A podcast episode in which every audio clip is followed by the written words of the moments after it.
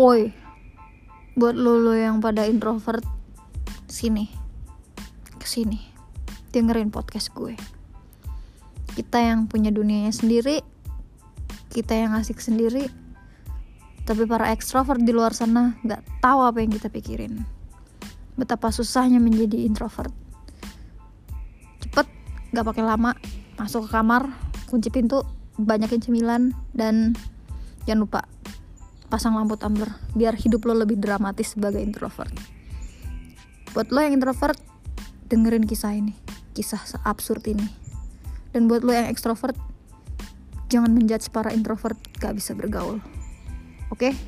Salam introvert di segmen odading obrolan di balik dinding bersama gue Lala